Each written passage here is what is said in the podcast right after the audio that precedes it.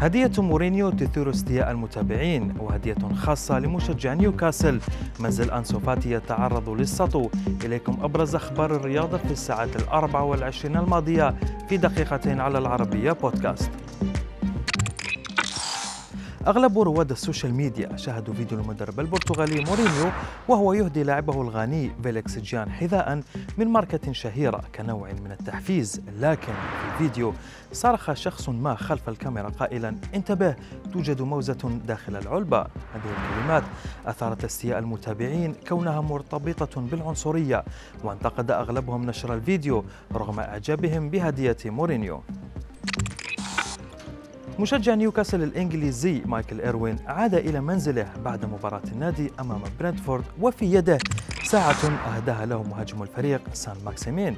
وكان مايكل قد وصل إلى ملعب الفريق باكرا رفقة أولاده للحصول على تواقيع نجوم نيوكاسل قبل أن يتفاجأ بماكسيمين يقترب منه ويهديه الساعة بشكل عشوائي.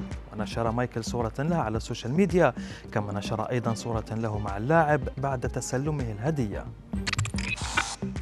لم يتوقع أنسو فاتي لاعب نادي برشلونة أن يجد منزله وقد تعرض للسطو بعد عودته من مباراة ناديه أمام الإسبانيول. المنزل تم اقتحامه عندما كان كل أفراد العائلة في الطابق الأرضي يشاهدون المباراة بينما تمت السرقة في الطابق العلوي. وبحسب تصريحات فاتي للشرطة فقد تمت سرقة أموال إضافة لساعات ومجوهرات باهظة الثمن.